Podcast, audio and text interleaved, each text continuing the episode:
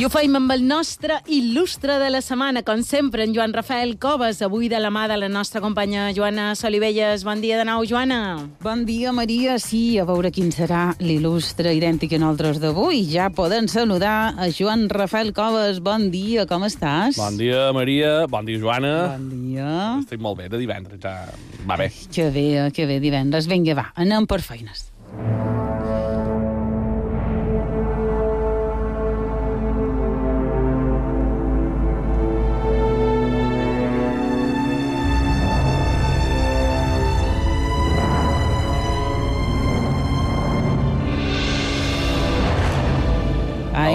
aquesta música... Música així, que no sabem ben, ben, bé de què va. No Perquè l'altre dia varen liar l'audiència la música. No sé si ho vares sentir.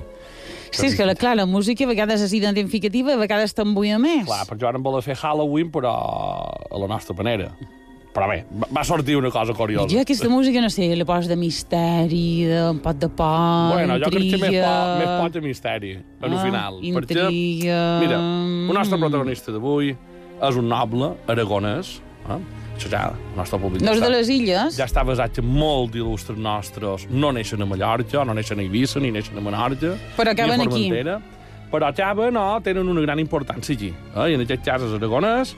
Va néixer l'any 1474 i era fill de Lope de Gurrea i Gurrea.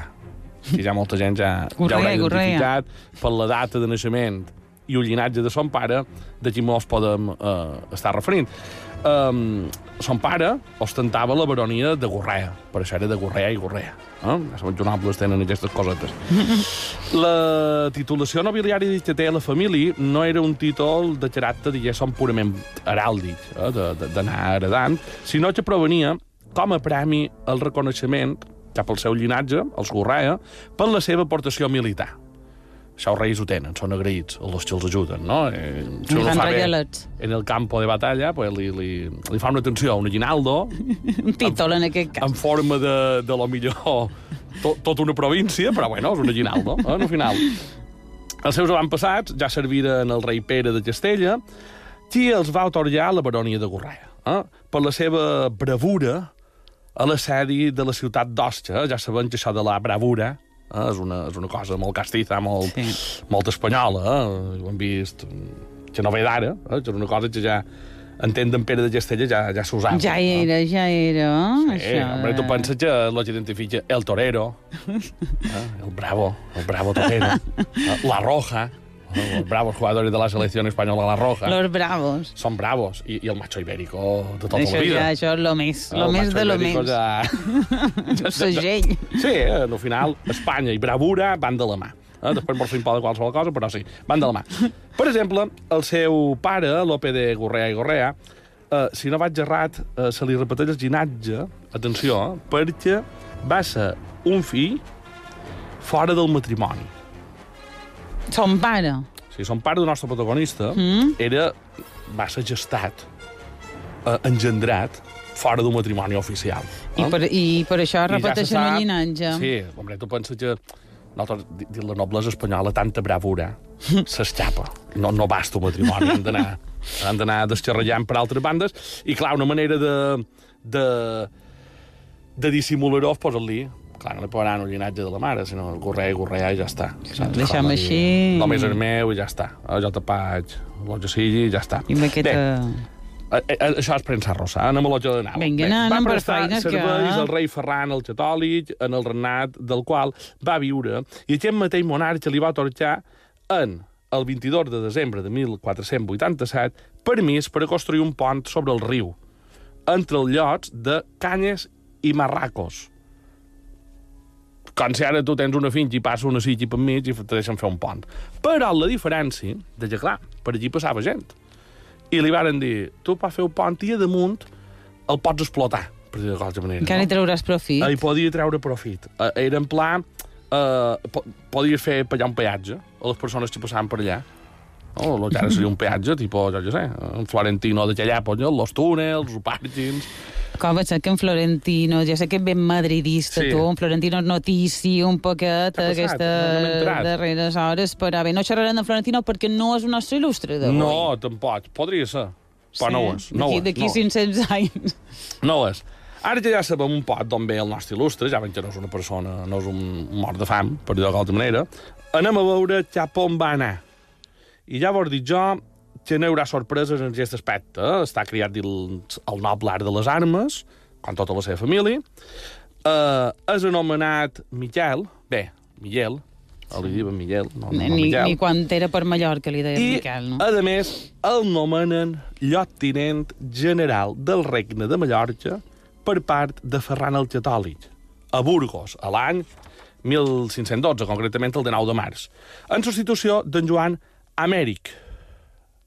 Això són dades que m'agrada donar, que tampoc no, no, no porten res, però, Bé, bueno, però és important, eh? Bé, ell va arribar a Mallorca el 22 de setembre i aquest mateix dia va jurar el seu càrrec a la catedral. Com a lloctinent general del regne de Mallorca. Això és era un bon la, càrrec, la que eh? coneixen com a virrei, mm. eh? vendria a ser el rei, la representació del rei, qui actua en nom del rei a Mallorca.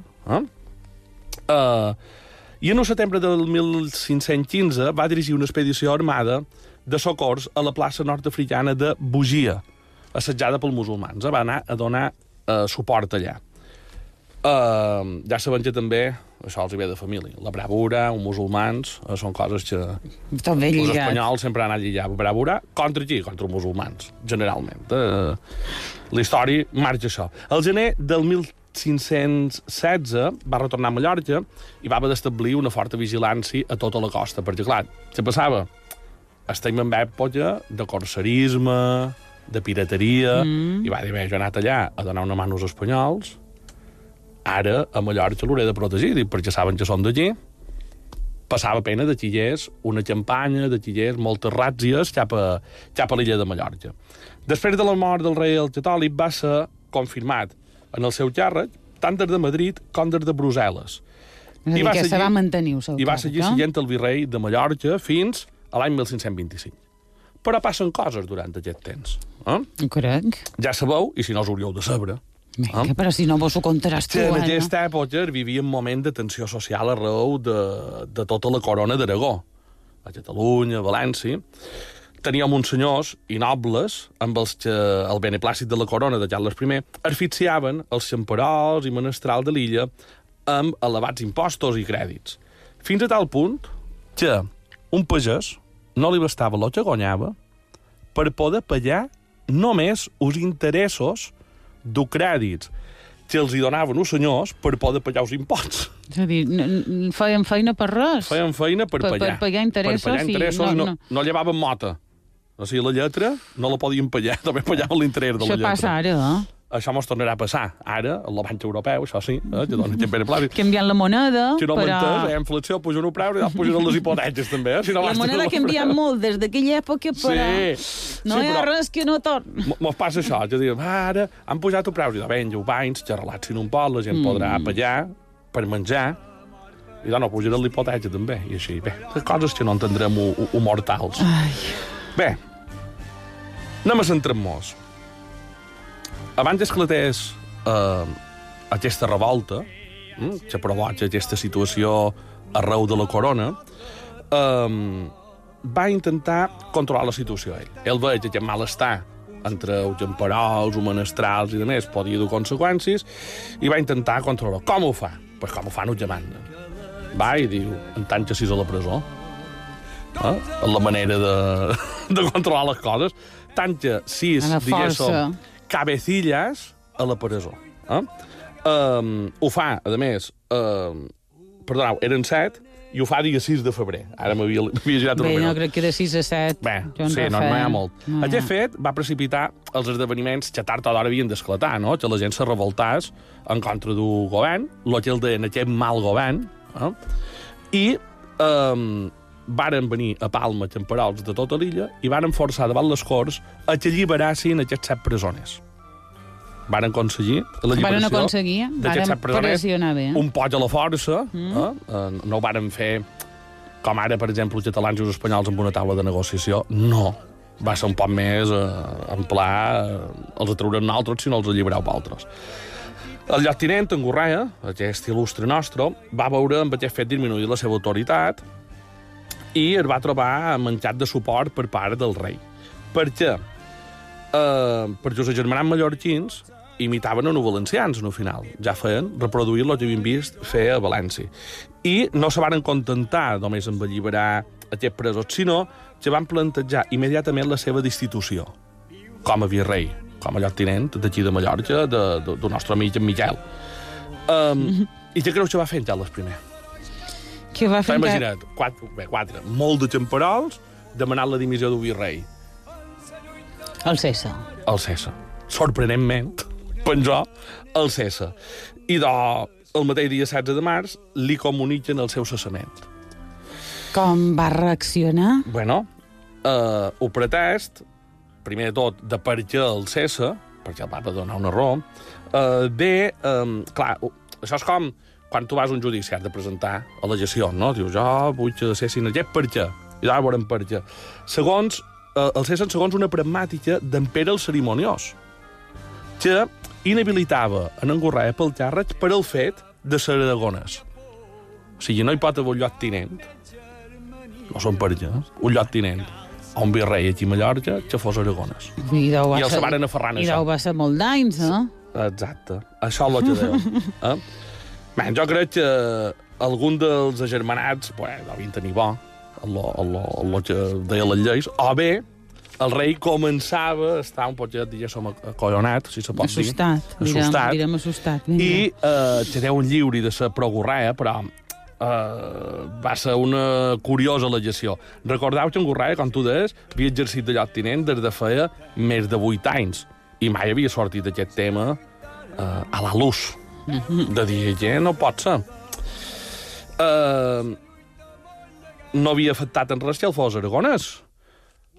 I eh, tampoc hi va haver res que, que el privat de ser governador de, del regne. Ara resulta que s'anteposava una francesa jurada pel mateix rei, perquè, clar, aquesta francesa d'en Pere el Cerimoniós, quan tu entres de rei, que no mos passarà mai, tu i jo, Joana, ja t'ho dic, però quan tu entres de rei en aquella època, jurava que compliria, entre d'altres moltes, amb aquesta francesa. Això és la letra pequeña. La lletra petita. Ah, que no, la a varen mirar bé. Clar, tu te corones, te donen moltes coses per firmar, ja ho entenc, igual que quan firmes una hipoteta, la de quan Comparem molt. Arriba un moment que diuen, ja sí, va, senyor, firmes, i la letra pequeña, si qualcú se la llegeix, allà se poden aferrar en aquestes coses. Semblava que mm, la voluntat del rei era en un principi la de mantenir la legalitat de les germanies.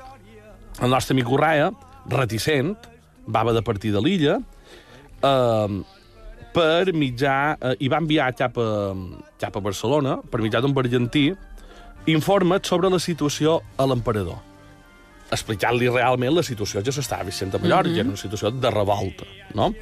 Però, finalment, davant les pressions rebudes, a final de l'abril es va embarcar i se'n va anar cap a Eivissa. Ah, després se'n va anar a Eivissa. Se'n va anar a Eivissa. O sigui, ja tenim un il·lustre, mig Mallorca i mig Vicent. Ja complim, ja complim quota, eh? vale. Ben aviat se li van adherir una sèrie de cavallers contra els agermanats, eh, cavallers eivissants, bé, eivissants, segurament eren italians. Però en aquella època encara no. Sí, Ja perquè havia. nosaltres vàrem veure que, que, que ja n'hi havia d'italians allà, amb Però un altre personatge que vàrem no? fer. Bueno, sí. Bé. Bé, a la millor eren eivissants, perquè també, en un final, sempre els ha agradat això de fer el contrari en mallorquins. I la millor van dir, no sabem que són les germanies, però les coses de mallorquins per nosaltres en contra. Ja està. En Gorrea havia estat convidat a sortir de Mallorca. Bé, l'havien engellat, Sí. però, ojo, sortia de l'illa, sortia de Mallorca, s'anava a l'illa d'Eivissa. Això volia dir que no abandonava el regne. Clar. Des de la Pitiusa, major, però ja la major i la menor, va continuar enviant informes sobre la situació a la vegada que anava xatant adeptes per formar part de l'armada que ell s'anava muntant, eh, que havia de servir per sufocar la revolta agermanada de Mallorca. I tot això, Joana, sense mòbil, sense WhatsApp, Sense sense socials. Facebook i sense fer balls de TikTok. Eh? Tot això en cartes i enviant Però és que, Joan missatgers. Rafael, tu no recordes viure sense mòbil? Tu ets Jo molt sí, jove. eh? Sí? Jo sí. Jo encara, Perquè he, jo encara he telefonat la migdia a a casa demanant per anar. No, I no si per pot- a, no per no. Bueno, no m'heu cas per anar. I que si pot son pare.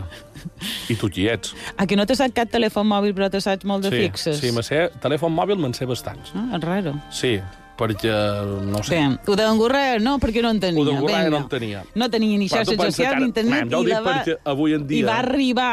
Avui en dia, en Trump mos va ensenyar que és molt fàcil organitzar una revolta. Tu mira quin tinglada va muntar sí. Un Parlament eh, estadounidenc amb quatre tuits.